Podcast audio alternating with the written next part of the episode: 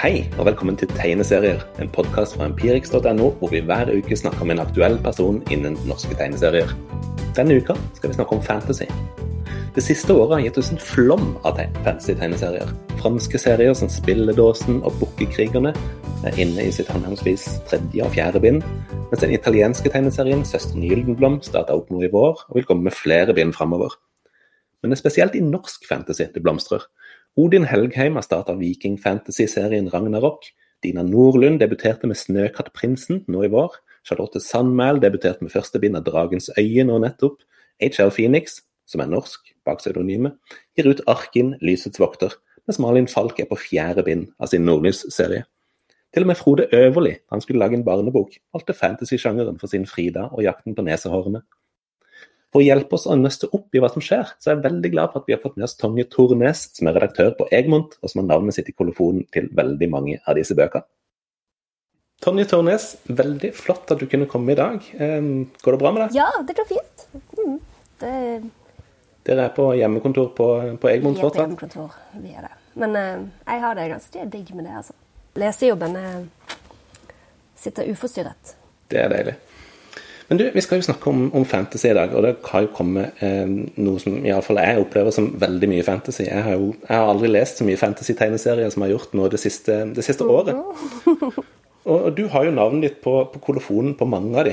Eh, så jeg er veldig glad for at du kan hjelpe meg å, å nøste litt opp i dag. For jeg lurer litt på altså, hvorfor er det så mange som lager fantasy-tegneserier nå? Altså, det er jo veldig, veldig betimelig og interessant spørsmål. Og jeg jeg må bare, Kan jeg trekke litt sånn historisk linje her? fordi eh, ja, ja, Fantasy og tegneserier har jo liksom hengt sammen ja, helt siden Supermann-tegneserien kom ut. Altså Det har vært en greie. Magi, overnaturlighet og sånne ting er en del av tegneseriesjangeren. Men kanskje den har vært litt mer i bladhylla enn i bokhylla, hvis du skjønner. Fordi når jeg vokste opp, så var jo Alvefolk og Ridderen av Dor og Valhall og masse tegneserier i bladhylla som jeg kjøpte og elsket.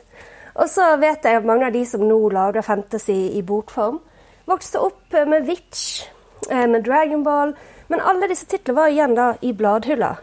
Så jeg tror kanskje det som er veldig annerledes, og som er nytt for hele bransjen, er at disse ble pakket inn i um, harde, altså stive permer og solgt som bøker i bokhandler. De har rett og slett fått en annen distribusjon. Og da får de også en annen mottakelse. Jeg vet ikke om du husker en tegneserie fra 2014 som heter Real Life? Real Life? Det, det, ringer en svak bjelle. Hva var det for noe? Det var en tegneserie som Egmont og jeg jobba ut av. men jeg, jeg, jobbet ikke med den. Men jeg ble veldig fascinert, fordi det var en forsøk på å liksom, ta en ny sånn Witch eh, for den generasjonen som var ung i 2014. Fire ulike jenter går på eh, high school, har sosiale medier. Eh, så tror man det en gutt, og så er han, det er et eller annet rart med han. Han forsvinner plutselig, han virker som han kan teleportere. Og, og så kommer disse fire jentene sammen for å finne ut mysteriet om han gutten. Og så langt kom det, for så gikk bladet inn.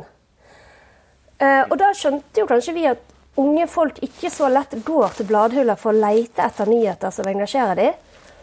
Og kanskje det var en liten sånn følelse i bransjen at dette ikke er så lett å få til i Norge lenger. Men så kom amuletten, av Fontini forlag, og de lanserte Amuletten, som jo også kunne fint ha vært en bladserie i bokform. Og reaksjonen ble enorm. Barn elsket det. Og da ble jo jeg veldig glad som tegneserieredaktør, for barn elsker fantasy. Og sånn har det på en måte vært ja, siden 30-tallet, og sånn er det fortsatt. Så for, jeg, jeg ble, for meg ble dette en bekreftelse for at dette vil barn ha. Så tegneserien for barn er jo virkelig ikke død. Den, jeg tror han går inn i en gullalder nå. jeg. I mitt hode så det, så er det så rart, men det, det, er mange som sier det samme. At det, det, jo, det går jo ikke an å lage et tegneserieblad nå for tida, for det er jo ingen som vil ha tegneserieblad. Unge, barn og unge vil ha, vil ha, bøker. Men bøkene er jo kjempedyre. sant? Det er stive permer, det er god kvalitet.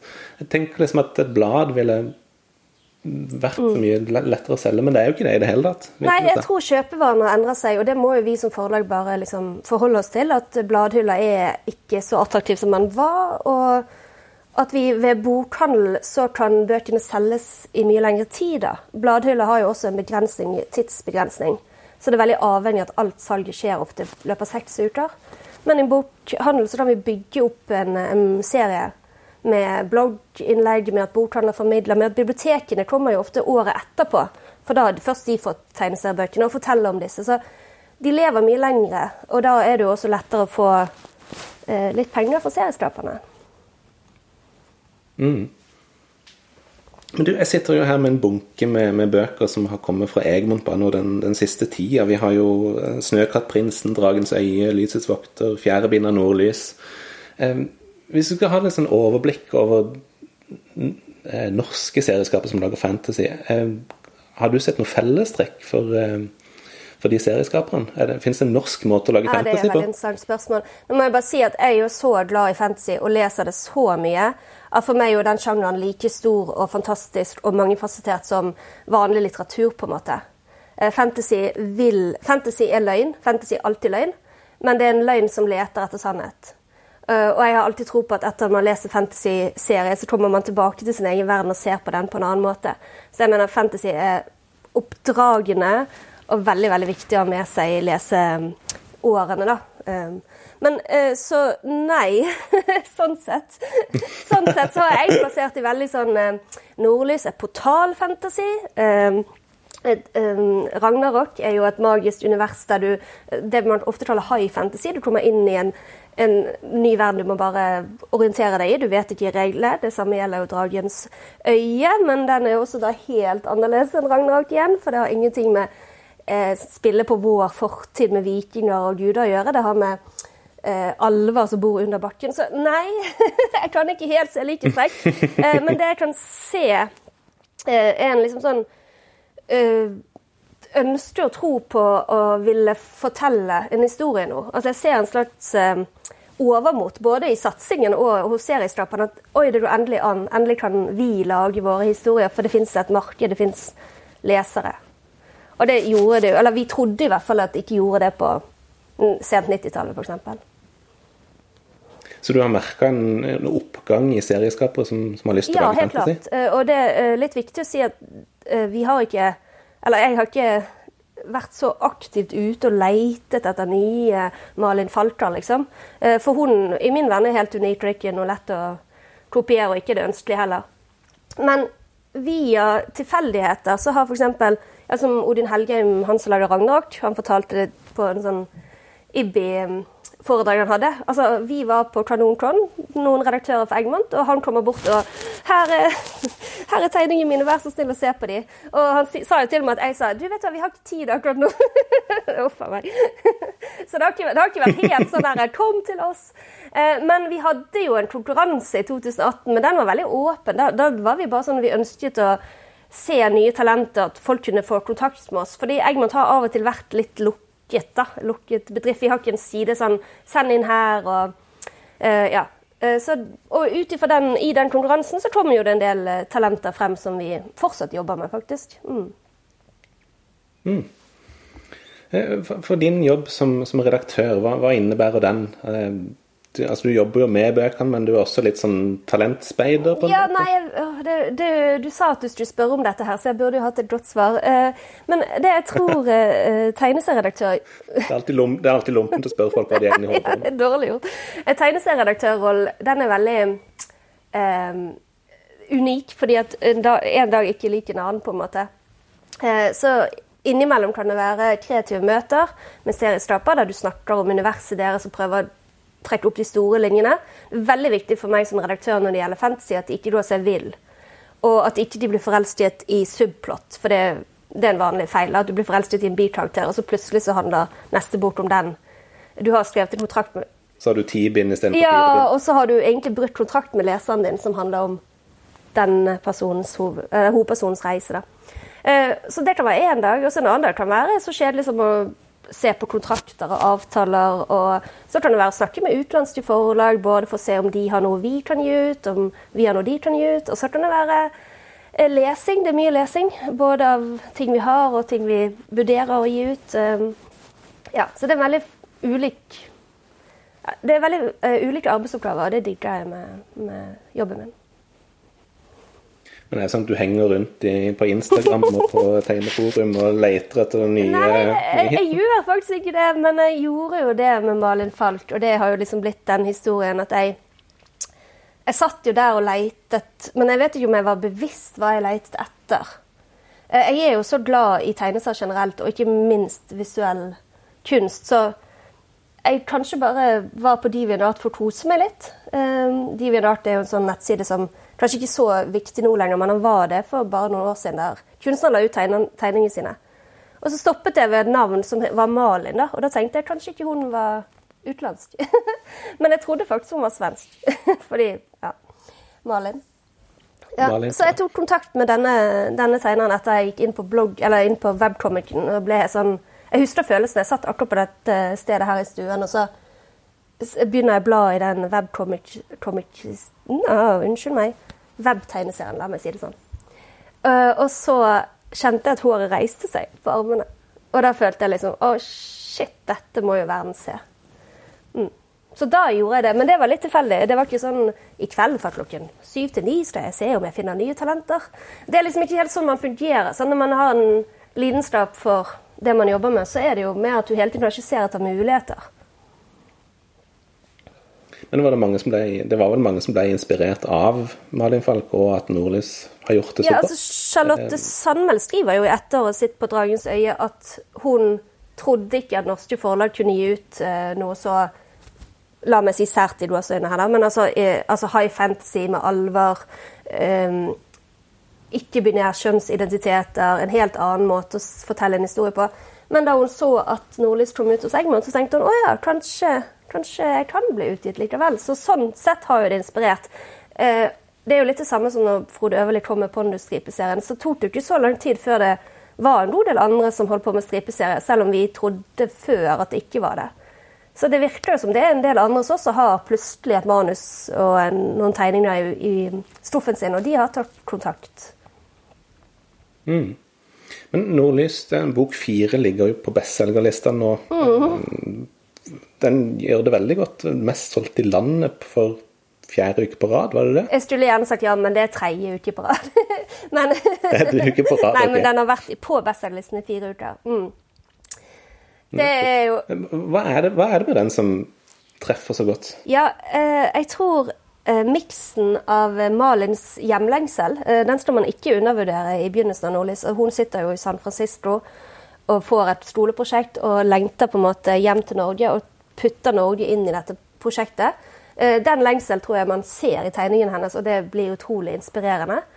Eh, Og så eh, er jo fantasy har sin egen magi. Men jeg tror også at Sonja-karakteren er utrolig viktig, og dette har jeg diskutert masse med folk eh, ja, så mange ganger. Fordi eh, jenter i Norge, og kanskje mange andre land eh, Ofte i en skolegård skal man se en gjeng med jenter fra Ti jenter, kanskje. Og det, nummer én og to i den jenteflokken de, de er ofte de som er populære og bestemmer. Nummer ni og ti er de som er usikre på om de hele tatt har lov å være med. Eh, og resten, resten er de fleste jenter i Norge. Eh, snille, greie, gode, helt unike, talentfulle, bla, bla, bla. Men kanskje barnelitteraturen ikke alltid har hatt eh, fokus på dem. Og Sonja er en sånn jente. Og derfor tror jeg hun blir bare hun, er, eh, Hennes historie er ekte selv om hun drar til et magisk verden. Og jeg tenker også at det at Malin tar seg tid til å vise en konfirmasjon, vise familierelasjoner, alt dette her, gjør at bok én bare tok leserne med storm. da. Og nå er det utålmodigheten. sant? Altså Nå er jo alle de eh, Hvor mange tusen er det ikke som har bok én i, i hylla si? Det er i hvert fall over 50 000. Og nå er det utålmoden. De vil ha neste bok og neste bok. Som gjør at den Jeg har, eh, jeg har to, to små jenter her i huset også, og da de fikk vite at Har vi Nordlys bok fire? Alle på skolen snakker om Nordlys bok fire! Så Ja, det er jo- da ble det god stemning. det er jo helt fantastisk. Og um, ved alle disse seriestappene, eh, til og med han Helge Lie som kom med Arkin, eh, som jo på en måte er en bok som bare har vært ute i tre uker, har begynt, og til og med han har begynt å få fortellinger fra foreldre som sier at 'mitt barn har slitt med lesing, men din bok' Eh, og jeg er jo Altså, du ser jo på Finland og Japan og kanskje til og med trekke inn Frankrike. Altså, nasjoner tegneserier står veldig sterkt, ikke minst blant barn og unge. Så er jo de bedre på PISA-undersøkelser enn oss. De er bedre i lesing. Så dette burde vi bare bejuble, liksom. Ja, vi lærer jo ikke å lese, lese og lese Donald lenger. ikke så mye, Jo kanskje. Så. Donald trenger litt venner. Men det er jo eh, mange av de norske fantasy-tegneserieskaperne eh, Jeg opplever at de har en litt sånn utradisjonell bakgrunn når det gjelder eh, tegneserier. Altså, tradisjonelle norske tegneserier så har du liksom de som har alltid lagd tegneserier og liksom eh, gått den veien med fanziner, mm. kanskje, og, og, den type ting, hvis du skjønner hva jeg mener. Mens eh, fancy-tegneserieskaperne er mer sånn De har en illustratørbakgrunn, litt mer sånn animasjon. Du kan se det i, i tegningene på en måte, at du kan nesten se tegnefilmen panere rundt på sidene. Ja, det, Stemmer det er jo et godt poeng. Eh, nå er jo eh, flere av disse en litt sånn ny generasjon, da. Uh, og det har jo de på en måte fått Altså, det er jo en generasjon som har vokst opp med YouTube, der man faktisk kan lære seg å tegne ved å se på filmer av andre som tegner. Uh, og Dina Nordlund, som lager 'Snøtattprinsen', hun har jo sjøl en egen YouTube-kanal der hun filmer at hun tegner, og folk kommer ille til å vil lære. Uh, så det er jo også en litt sånn digital skole mange av de har gått på. Og noen har jo virkelig tatt utdannelse også, da, selvfølgelig. Men du har nok rett i at de kommer fra litt andre steder enn enn det som har vært vanlig i tegneseriemiljøet. Og når man har en utdannelse i utlandet som Charlotte Sandmæl og Malin Falk, så er man selvfølgelig da vel så mye påvirket av det du lærte i den kulturen, selv om det er en engelsk og amerikansk kultur, enn som du har vært i norsk kultur. da. Men det er jo den miksen. De mikser jo det norske med dette eh, nye, som jeg synes, eh, og som jeg tror er så forførende. Mm. Mm. Det er kanskje litt der den der eh, japanske eh, inspirasjonen også kommer fra. Jeg syns du kan merke litt sånne manga-ansiktsuttrykk og liksom, Ja, det kan man. Uh, her og der i flere av disse. Det kan man, men det, jeg føler jo liksom at det, Europa møter Japan møter USA, liksom. At de plukker mye fra mange tradisjoner. Som man jo skal når man skal finne sin egen identitet. Til sist, så jeg hadde lyst til å spørre deg om altså du, du, sier du er så, så glad i fantasy sjøl, så jeg lurte på om du hadde et lesetips for, eh, for kanskje meg, som har fått lest veldig mye moderne nå, men eh, kanskje ikke har lest de store klassikerne. Ja. Men har du liksom én fantasy-tegneserie som ikke du har hatt noe, noe med å gjøre? Ja, ja, ja det kan jeg, men det er jo helt umulig du, du, tror at det er lett. Det er jo Det er så vanskelig spørsmål! Nei, ja, men, okay, la meg si hva men, ikke, men, la oss si ikke din favoritt gjennom tidene, men bare sånn ok, ah, ja. en som jeg burde lest. Mm. En som jeg burde ha lest. Uh, ja, da kan jeg si For jeg, jeg, var jo veldig sånn der eh, Det er umulig å komme utenom Sandman, og hvordan kan vi snakke om eh, tegneserier for barn og ikke snakke om Bone, og så var jeg helt sånn sånn. Men jeg har en liten, en liten treat som heter Leave it to change. Vi må vise den til deg. Denne kommer Leave it to change. Ja, den er jo da Hun heter jo det, da, og hun har en liten drage på Stjulland som hun eh, drar rundt i verden med. Hun er rett og slett en slags detektiv eh, som må løse mysterier der monstre og uhyggelige vesener har gjort kjipe ting. Mm. Den, den, var en av de som jeg, jeg har lest Den kommer ikke ut lenger. Han kom vel ut i ja, slutten av 90-tallet, begynnelsen av 2000-tallet. Og den fikk meg til å tenke åh, dette er jo helt perfekt sånn barne barnelitteratur. Hvis man bare finner de riktige, riktige seriene. Og det har jo Hva er det som er så bra med den? Eh, nei, det er jo det at hun er liksom The Next Door. Hun er en vanlig jente, men eh, smart. Og det har hele tiden at hun løser et mysterium, samtidig som hun har en magisk bestevenn, en liten drage. Eh, og den er utrolig bra tegnet. Og det var første gang jeg leste en historie om en, kanskje en tolv år gammel jente som står opp mot ekle, store, fæle monstre. Uten at hun enten er en del av monstrene, sånn, sånn Freddy's Nightmare-aktig greie, eller at hun liksom um, ja, er, Hun er fortsatt en jente, på en måte. da. Så det hadde litt sånn eh, jenteheltaktig greie som jeg ble inspirert av. Mm. Men den, den, er, ja, den, er, veldig fin. Eh, men ellers så kunne jeg jo ramset opp så mye, liksom. det er liksom vanskelig. Men hvem er det som har uh, lagd den? Uh, de, det er et team. Litt sånn som Cycrest-teamet vårt. da. Så da har vi James Robinson, Paul Smith, George Freeman og Jeremy Cox. Det er jo litt interessant at det bare var menn. Det har jeg faktisk ikke tenkt over før. for det er jo også utrolig kult med den nye hva skal man si, bølgen her, at det er mange, mange kvinner med. da. Mm. Mm.